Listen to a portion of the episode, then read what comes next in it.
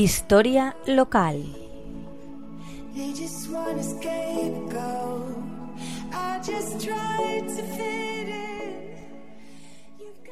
Buenas tardes, amigos de la Tegua Radio. Hoy seguiremos hablando del teatro principal para enumerar los muchos y variados acontecimientos que en él se celebraron.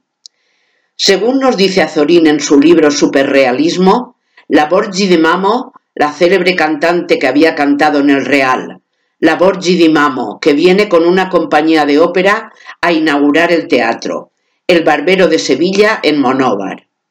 También se nombra en el diario El Pueblo que en septiembre de 1858 se inaugura el teatro con la Compañía de la Corte.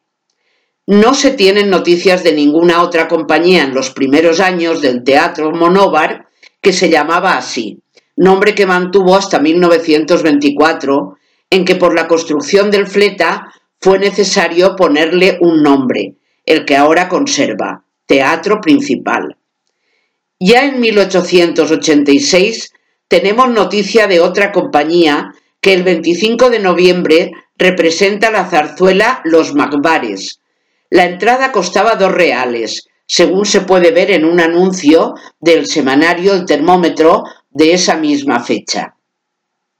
Los siguientes días, 27, 28 y 29, se representan las zarzuelas Graciella, Los comediantes de antaño y Boccaccio, por la misma compañía.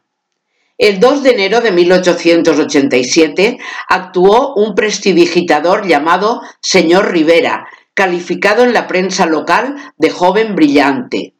El día 9 de este año se celebra una subasta para arrendar el teatro con motivo de los bailes de carnaval, costumbre muy arraigada en el pueblo hasta el año 1953 en, que se comenzó a construir el nuevo Teatro Fleta. En 1890 el teatro fue objeto de una notable restauración en su sala a cargo de los señores Caballero y Codecido, y se volvió a abrir con las zarzuelas Quien fuera libre y Chateau Margaux. El 25 de abril de 1897 se celebra una función a beneficio de los soldados monoveros que volvían enfermos o heridos de Cuba o Filipinas.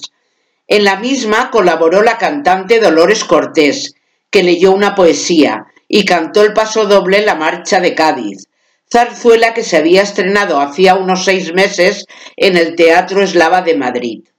El nombre de esta zarzuela fue el que pocos años después adoptó un famoso y prolífico grupo de aficionados monoveros. El nacimiento del cine en 1895 dio un impulso extraordinario a todos los teatros que alternaron sus funciones teatrales con las de cine. En 1910 se haría una reforma para adaptarlo al nuevo medio del cinematógrafo.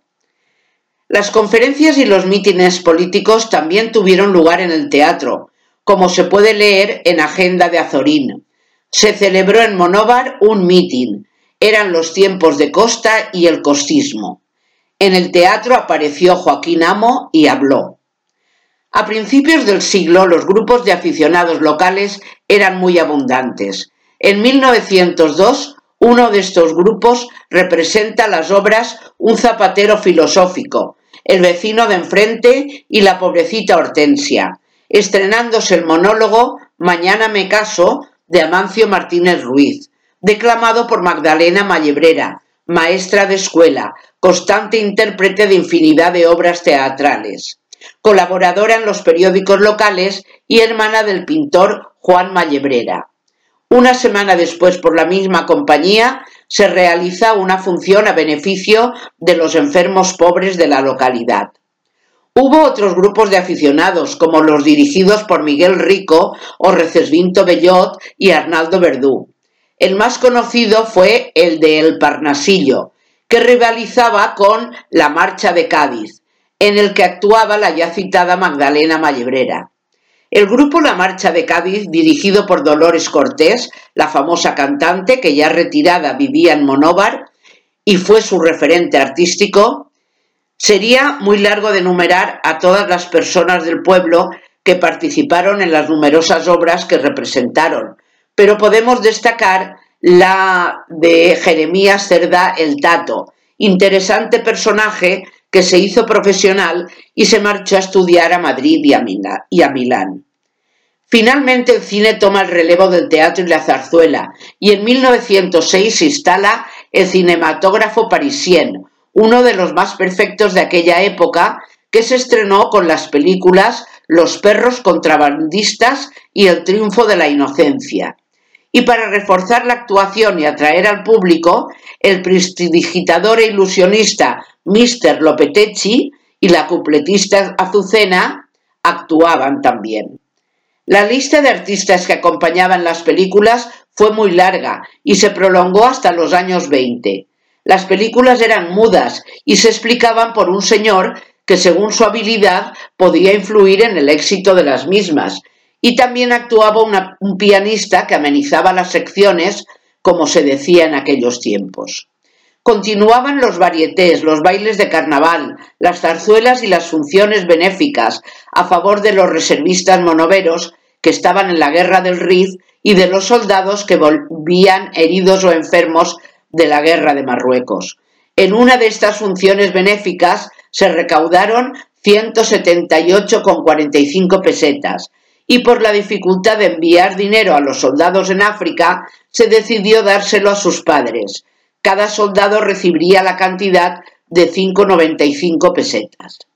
El 25 de mayo de 1925 tuvo lugar una conferencia científico-religiosa a cargo del fraile capuchino Melchor de Benissa, con un éxito clamoroso.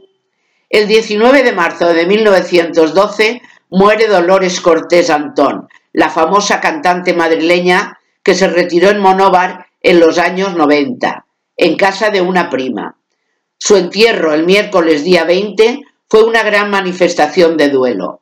De ella dijeron los periódicos madrileños que tenía una voz dócil y ágil y flexible, y le dedicaron los siguientes poemas.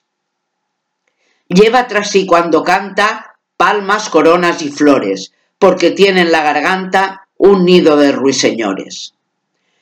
Aún nos quedan cosas por contar de nuestro querido teatro principal, pero no disponemos de tiempo. Seguiremos con su historia más adelante.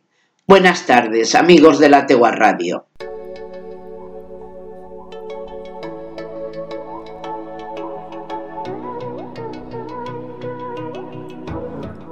Historia local.